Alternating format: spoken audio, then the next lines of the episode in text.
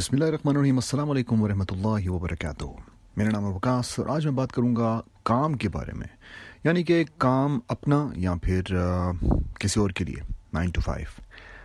زندگی میں آپ کو چوائسیز جو اللہ سبحانہ و تعالیٰ دیتے ہیں، ان میں سے آپ کی اپنی مرضی کے مطابق جو کام ہے، وہ آپ کی اپنی محنت کے اوپر ہے۔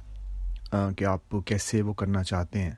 اور دوسرا سارا کچھ اللہ کے ہاتھ میں ہے کہ آپ کی محنت کے اندر اللہ تعالیٰ برکت ڈالتے ہیں یا پھر آپ کو یہ سکھانا چاہتے ہیں کہ یہ کام آپ کے لیے نہیں ہے۔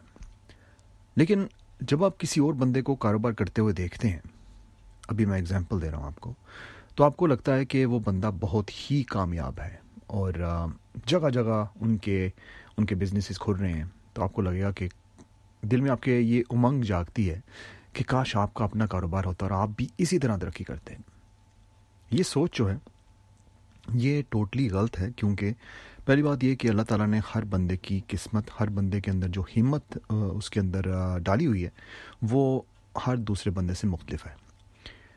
ہر بندے کا اپنا مشن ہوتا ہے، ہر بندے کی کے اپنے خواب ہوتے ہیں، ہر بندے کے اندر ایک انرجی لیول ڈفرینٹ ہوتا ہے۔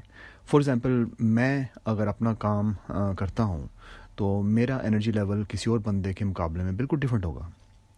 کچھ لوگ جو ہیں وہ اپنا اپنا بزنس جو ہے، ان کی اوپننگ آورز ٹوٹلی بارہ بارہ گھنٹے کھولتے ہوں گے دکان کو اپنی، اپنے بزنسز کو۔ کچھ لوگ صرف چار گھنٹے کھولتے ہیں اور باقی فوکس ان کا دوسرے کاموں کے اوپر ہوتا ہے کہ ساتھ ساتھ آپ مارکیٹنگ کے حوالے سے کام کریں ڈیزائننگ کے حوالے سے کام کریں۔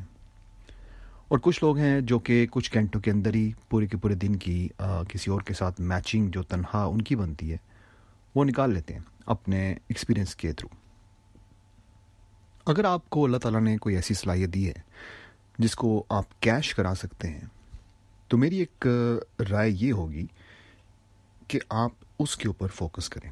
بجائے یہ کہ کوئی ریسٹورینٹ کھولنے کے، کیونکہ آپ کے ہمسائے میں کوئی ایسا ریسٹورینٹ ہے جو کہ بہت چل رہا ہے، آپ کو لگتا ہے کہ آپ بھی کھول لیں۔ اگر آپ کا شوق نہیں ہے نا، تو آپ کچھ ہفتے، کچھ مہینے مشکل سے اس کو چلا پائیں گے۔ آپ کا ایکسپیرئنس اگر مارکیٹنگ میں ہے، تو آپ مارکیٹنگ کے حوالے سے آگے جائیں گے تو آپ کو زیادہ مزہ بھی آئے گا۔ سیلز میں ہے ڈیزائنر ہیں آپ، تو ڈیزائن کے اندر جائیں، بجائے کہ سیلز میں۔ زندگی میں آپ کو کبھی کبھی ایسے مواقع ملتے ہیں جن کو اسی وقت آپ نے ایکٹ کرنا ہوتا ہے اس کے اوپر کہ وہ آپ کے ہاتھ سے نکل نہ جائیں۔ کیونکہ دوبارہ کئی دفعہ ایسا ہوتا ہے کہ وہ موقع آپ کے پاس دوبارہ کبھی نہیں آتا۔ اور پھر بندہ اپنی قسمت کو کمپلین کرتا رہتا اللہ کے آگے کہ یہ میری قسمت جو ہے وہ اللہ تعالیٰ نے ایسی بنائی ایسی بنائی۔ اللہ تعالیٰ نے تو آپ کی قسمت جیسی بھی بنائی لیکن اگر آپ خود محنت کر کے گھر سے نکلیں گے نہیں، تو کوئی بھی آپ کے گھر کا دروازہ کھٹکھٹا کے یہ نہیں کہے گا کہ بھائی صاحب یہ چیک لے لیجیے اتنے لاکھ کا، کیونکہ آپ گھر بیٹھے ہوئے خواب سوچ رہے ہیں۔ خواب دیکھنے سے آپ کو کوئی روکتا نہیں ہے۔ لیکن ان ان خوابوں کو پورا کرنے کی سکت نہ رکھتے ہوئے خواب دیکھتے رہنا اس بات پہ آپ خود اپنے آپ کو پوچھیں کہ آپ اپنا وقت کیوں ضائع کر رہے ہیں؟ اگر آپ کا خواب ایسا ہے جو کہ ڈوبل ہے، ایک ایسا خواب ہے جس کو آپ عملی جامع پہنا سکتے ہیں، آپ کوشش کر سکتے ہیں کہیں نہ کہیں جانے کی، اس کو لے کے جانے کی، تو آپ کو ضرور کرنا چاہیے۔ یہ بہت بڑی ناانصافی ہوگی آپ کے خوابوں کے ساتھ۔ کہ آپ زندگی کے ایسے موڑ پہ آ جائیں جہاں آپ کی عمر بھی ساٹھ ستر سال سے اوپر ہو جائے۔ آپ کی عمر زیادہ ہونے کی ضرورت بھی نہیں ہے کہ ان بندے جو ہیں وہ تیس تیس پچیس پچیس سال کی عمر میں ہی ان کو کچھ کوئی بیماری لاحق ہو جاتی ہے اللہ کی طرف سے یا پھر ویسے ہی کوئی ایکسیڈنٹ ہو جاتا ہے ایسا ویسا۔ تو وہ تو اللہ کی طرف سے ہے۔ لیکن اگر آپ کے اندر انرجی لیول آپ کا ویسا نہیں رہتا جو کہ آپ کا کم عمری میں ہوتا ہے جہاں پر آپ غلطیاں کر کے کچھ سیکھ سکتے ہیں، تو یہ آپ اپنا وقت ضائع کر رہے ہیں۔ تو ایک چھوٹی سی رائے یہی ہوگی، اگر آپ اپنا بزنس کا سوچ رہے ہیں یا پھر نائن ٹو فائیو کا سوچ رہے ہیں، تو اپنا گول جو ہے وہ پیسے کو نہ بنائیں۔ اگر آپ کسی ایسے کام کو کرتے ہیں جس کو کرنے سے آپ کو مزہ آتا ہے، آپ کو اچھا لگتا ہے، آپ وہ کام کئی گھنٹوں تک کر سکتے ہیں تو وہاں پر پیسے آپ کو آٹومیٹکلی فالو کریں گے۔ پیسے کو گول بنائیں گے۔ تو ہر وہ چیز کرنے کی کوشش کریں گے جہاں پر پیسہ زیادہ سے زیادہ بن سکے۔ پیسہ کمانا غلط بات نہیں ہے۔ پیسہ کمانا بالکل غلط بات نہیں ہے۔ لیکن غلط طریقوں سے پیسہ بنانا غلط ہے۔ اور غلط طریقے میں اس لیے کہہ رہا ہوں کیونکہ جب بندہ ایک پیسے کی ریس میں لگ جاتا ہے نا، تو کئی دفعہ پٹڑی سے اتر جاتا ہے۔ اس لیے آپ کوشش یہ کریں کہ وہ کام کریں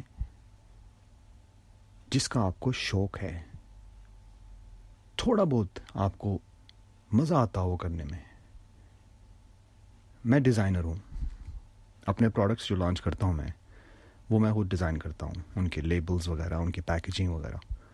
تو یہ میں کئی گھنٹوں کر سکتا ہوں بور ہی ہوئے بغیر۔ اگر میں یہ نہ کرتا ہوتا، وہ ویسے ہی زبردستی کسی اور ڈیزائنر کو دیکھ کے کرتا جبکہ مجھے ڈیزائن نہ آتا ہو، تو یہ کم اکلی ہوگی۔ اگر آپ کو ڈیزائن نہیں آتا، آپ کے پروڈکٹ لانچ کرنے، آپ نے ڈیزائن کرنے، تو آپ کسی ڈیزائنر کو ہائر کریں۔ ایک اسمارٹ انٹرپنو بزنس مین وہ ہوتا ہے جو کہ یہ جان جائے کہ اس کو کیا نہیں آتا۔